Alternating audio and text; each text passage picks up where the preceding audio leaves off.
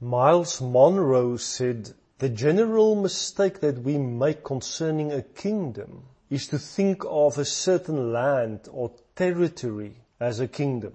Every kingdom has land and territory, but the land or the territory is not the kingdom. Land does not define a kingdom. Kingdom is defined by the presence of a king and the governing influence and rulership that flows from the king. The kingdom is the governing influence that flows out of the king.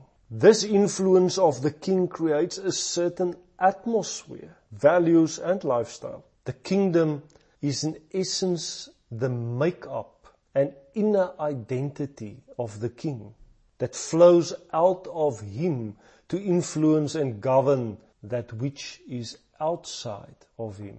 There is no kingdom in the absence of a king. The kingdom is in the king and flows out of him. His presence defines the kingdom.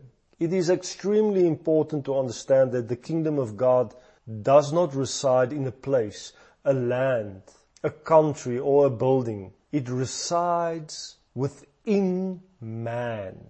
The kingdom of God is the king living in us. And we are living the influence of that king into the world around us. The kingdom of God is all about reigning from the inside over everything that is on the outside.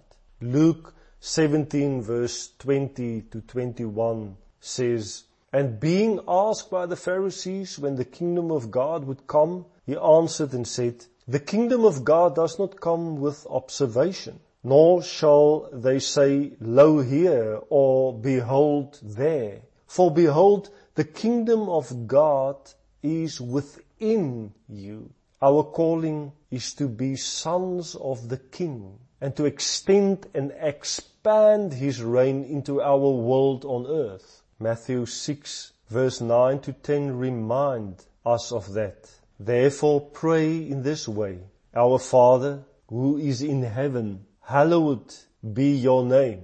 Your kingdom come. Your will be done on earth as it is in heaven.